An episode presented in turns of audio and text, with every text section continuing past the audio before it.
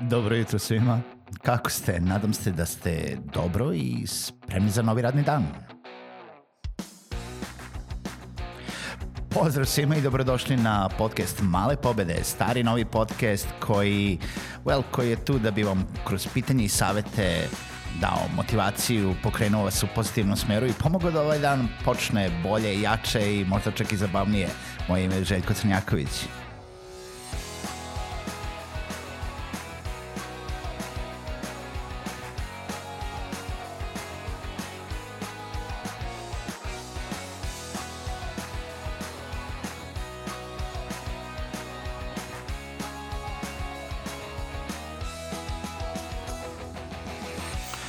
Pozdrav svima, dobro jutro i dobrodošli u još jednu epizodu podcasta Male pobede. Moje ime je Željko Crnjaković, kao što je uvod rekao, i želim da vam poželim dobrodošlicu i ovu epizodu i ova epizoda se odma nastavlja na jučerašnju epizodu. Uh, nadam se da se ne ljutite previše na mene što sam odvojio uh, ove stavke u, u dve epizode, ali jednostavno pokušavam da zadržim taj format od 10 minuta i nastavljam odma sa stavkama iz testa samostalnosti. Znači, mali uvod samo za one koji nisu slušali jučerašnju epizodu jeste pričamo o testu samostalnosti, o pojedinačnim stavkama u testu samostalnosti i malo razjašnjavamo neku moje viđenje nakon čitanja, nakon priče sa drugim ljudima, nakon ono boravka na nekim diskusijama, panel diskusijama, edukacijama uh, i dajem vam samo neko moje mišljenje, moje primere što se tiče uh, šta prolazi, šta ne prolazi i u stvari razjašnjenje pojedinačnih stavki na testu samostalnosti.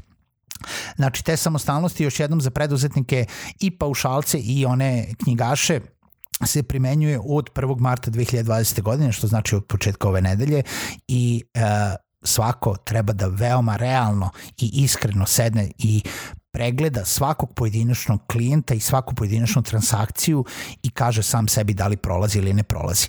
I dalje pucamo da prolazimo samo pet stavki, četiri, ne moramo da prođemo, nije bitno da ste prošli sve stavke, bitno je da prođete pet stavki da bi bili samostalni.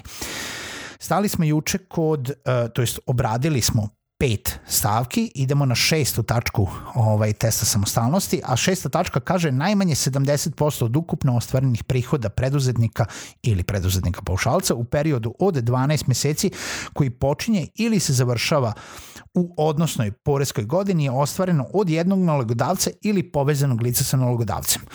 Zapravo, u periodu pregleda testa samostalnosti koji važi, opet kažemo, mislimo da će se to odnositi samo od perioda 1. marta, neće se gledati pre toga.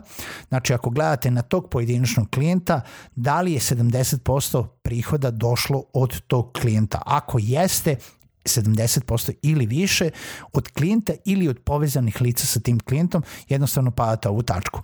Kao što sam rekao i prošli put, opet nemojte se zakačiti ni za jednu tačku posebno. Normalno je da imamo recimo jednog onog uh, ključnog klijenta, jednog klijenta koji nam obezbeđuje više od 70%, većina ljudi se zakači za ovu tačku, uopšte nije bitno da li padate na jednoj ili na dve ili na tri, bitno je da li padate na pet tačaka testa samostalnosti. I onda treba da vidite jel da, šta i kako vam je začiniti uh, što se tiče da li ćete preći u DO ili ćete se zaposliti ili šta ćete već raditi ili ćete samo ili ćete samo izmeniti vaš odnos sa tim uh, pojedinačnim klijentom. Sedma tačka. Preduzetnik ili preduzetnik paušalac obavlja poslove iz delatnosti nalogodavca ili povezanog lica sa nalogodavcem, a za tako obavljane posla, a, poslove njegov ugovor o angažovanju ne sadrži klauzulu po kojoj preduzetnik ili preduzetnik paušalac snosi uobičajeni poslovni rizik za posao isporučen klijentu nalogodavca ili povezanog lica sa nalogodavcem. Šta to znači? To znači da ukoliko ste preduzetnik, samo, mislim samostalni preduzetnik, vi prilikom sklapanja svakog posla odgovorni ste za svoj rad. Ako ste zaposleni kod nekoga, zapravo niste toliko odgovorni za svoj rad, već je odgovoran jel da vaš šef, vaš kompletno nalogodavac, možda neki management iznad njega. Ova stavka se je veoma bitno možda čak i napomenuti to, tim ugovorima koje pravite sa svakim pojedinačnim klijentom, jeste da se zapravo vi odgovorni za svoj rad. Ukoliko klijent nije zadovoljan sa vašim radom, da li može da traži da to prepravite, da li može da traži da vratite pare, da li može da traži u stvari da li možda traži da vas uopšte ne isplati. Vi ste odgovorni za svoje mišljenje, rad, programiranje, dizajn, šta god, čime god se bavite opet kažem, ja vodim video, uh, firmu za uh, video produkciju animacije. Ja sam odgovoran za kvalitet tog videa. Ako se klijentu to ne svidi, klijent neće platiti na kraju. Ako, uh, ne znam, meni jedan radnik u, u celom timu u procesu kreiranja videa uh, ne znam, zakaže klijent neće snositi uh, jel da posledice tog što je on zakazao, ja ću snositi posledice toga. Me, ja sam dužan klijentu da isporučim finalni rad, finalni video.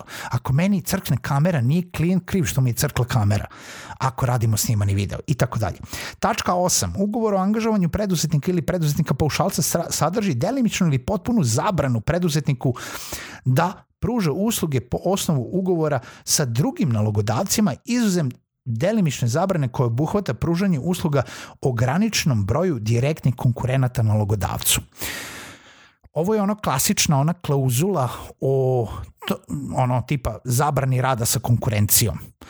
To je ono što obično imate kada ste zaposleni, pa kad jel da firma kaže ukoliko daš otkaz ili ukoliko uh, ovaj, želiš da odeš, onda ne smeš da radiš u istoj branši, ne smeš da radiš uh, iste usluge za nekoga drugoga, zato što radiš za mene. I to je klasična fora koji imaju ljudi koji su zaposleni u firmama, što je na neki način i ok za ljude koji su zaposleni. Ukoliko ste vi preduzetnik, da li je normalno da neko kaže, e, ti napravi video za mene, ali ne smeš da praviš video ni za koga drugoga. Pa da li bi vi pristali na to da ste na mom mestu? Pa ne bi. Ja radim videe, pa sad radim videe i za tebe, i za Miku, i za Peru, i za Žiku realno to je to.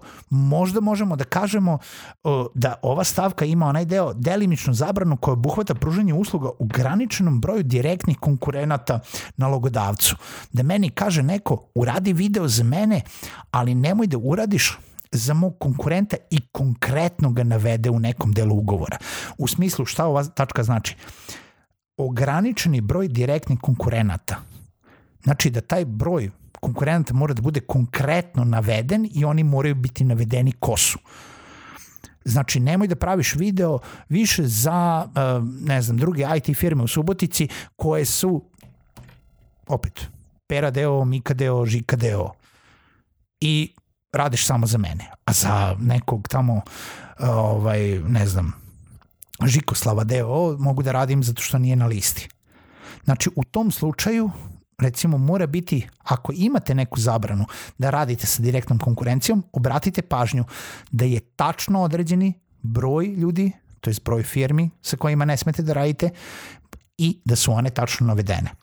Stavka 9 i zadnja stavka preduzetnik ili preduzetnik paušalac obavlja aktivnosti uz naknadu za istog nalogodavca ili za povezano lice sa nalogodavcem neprekidno ili sa prekidima 130 ili više radnih dana u periodu od 12 meseci koji počinje ili se završava u odnosnoj poreskoj godini, pri čemu se obavljanje aktivnosti u jednom danu smatra obavljanje aktivnosti u bilo kom periodu tog radnog dana između 00 i 24 časa. Šta to znači? To znači da zapravo ukoliko radite negde na sat, ukoliko radite za nekog klijenta uh, neko duže radne vreme, vi automatski padate ovu stavku zato što se svaka komunikacija sa tim klijentom nosi kao da je rađena to, tog dana. U smislu, ako ste vi poslali jedan mail tom klijentu danas, vi ste danas radili, vi danas naplaćujete uslugu. Ako ste radili uh, dva dana, tri dana, pet dana, a, pa ste onda imali pauzu, pa je taj klijent opet došao uh, za dva meseca, pa ste opet radili, vi ukupno gledate 130 dana na periodu cele godine. Ovo može da se veoma lako padne, iako ste preduzet, samostalni preduzetnik, a imate, ne znam, neke povratne klijente koji, recimo, meni dolaze i kaže treba mi sad video, pa sad taj video treba da se, ne znam, kreira 4 do 6 nedelja, pa onda dođe za dva meseca pa kaže treba mi još jedan video. Ili treba mi tri videa u toku godine. Pa ja ću da radim tih 130 dana pa kako god da se okrene.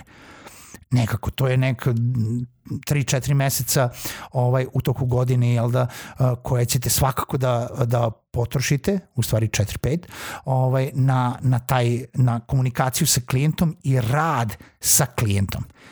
Ali opet kažem, nemojte se vezati za to da li ste pali jednu stavku ili tri stavke ili četiri. Bitno je da prođete pet stavki. Posle prolaska pet stavki vi ste prošli te samostalnosti. Ipak budite veoma realni e, sa svakom situacijom i gledajte svaku pojedinačnu situaciju klijenta i transakciju koju imate ne bi bilo loše naravno i da pravite ugovore za svaki posao koji, uh, koji sklapate, čisto da sebe obezbedite na neki način, jer sve ono što nije zapisano može da bude možda loše protumačeno, ali ni sam ugovor vas neće sakriti od nekih veoma očiglednih stvari koje mogu da se jave. I za kraj, ja ću da vam kažem još jedno moje lično mišljenje. Nešto što sam naučio još kad sam bio i student, a bio posle i predavač uh, na nekim kursevima. Uh, isto kao što kad izađete na ispit, ukoliko uh, profesor ima neki pik na vas, ima neku jako, jako veliku želju da vi konkretno padnete, pa nema Boga da možete da izrodite nešto, a da ne padnete to. E sada, test se može proći i sa nekim negativno nastrojenim inspektorom, po mom mišljenju i po mišljenju još ovaj, nekih ljudi. Osim u slučaju da je neko došao i konkretno kazao ti ćeš, ti ćeš brali da padneš, e, onda ćeš da padneš, kako god okreneš. Jer uvek se može nešto naći ovaj, i uvek se može nešto pogrešno protumačiti u tom smislu. Ali ako imamo barem dozu uh, realnosti, a vi zapravo ste samostalni preduzetnik, veoma su velike vrlotnoće da možete da prođete. Tako da, još jednom, uh, sretno preduzetništvo za one koji su odlučili da idu u deo uh, pa sretan deo uh, za, za početak marta, a za sve one uh, koji odlučuju da ostanu u preduzetništvu, uh, pa opet sretno preduzetništvo. Idemo dalje. Uh, jedna od najboljih stvari kod nas i živeti u zemlji Srbiji jeste da nas malo šta može iznenaditi, a da se mi ne možemo adaptirati na tu promenu, nebitno da li je bila ona dobra ili loša. Čujemo se u nekoj narednoj epizodi podcasta Male pobede.